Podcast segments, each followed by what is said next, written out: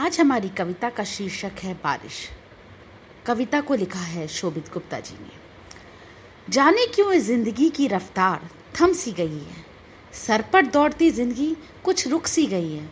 बस थोड़ी दूर रह गई थी मंजिल, पर क्यों ये बारिश पड़ने लगी है? ये धरती, ये अंबर, ये दुनिया के सब रंग, चिड़ियों का चहचहाना, हवाओं का यूँ लहराना, जहाँ की सब खुशियाँ, सब तो मेरे लिए हैं। फिर क्यों ये बारिश पड़ने लगी है? उठ, जाग। ये बारिश नहीं, ये तेरी परीक्षा है, पर तेरी मंजिल वही है। ना तो दूर बड़ी है, ना तेरी शक्ति घटी है। मत घबरा कि बारिश क्यों पड़ने लगी है। बिखरे खुशियाँ सारे आँसू चुरा ले, होकर खुद मज़बूत इस मंजिल को तू पाले। बड़ा अपने कदम अपनी दुनिया बसा ले, अपने जोश को ये बारिश रुकवा ले। करूँगा अब यही मैं ये मंजिल को पाऊँगा, दुख दर्द मिटा के मुस्कुराहट फैलाऊँगा। रुकी रुकी सी थी ज़िंदगी, अब सर पर दौड़ने लगी है।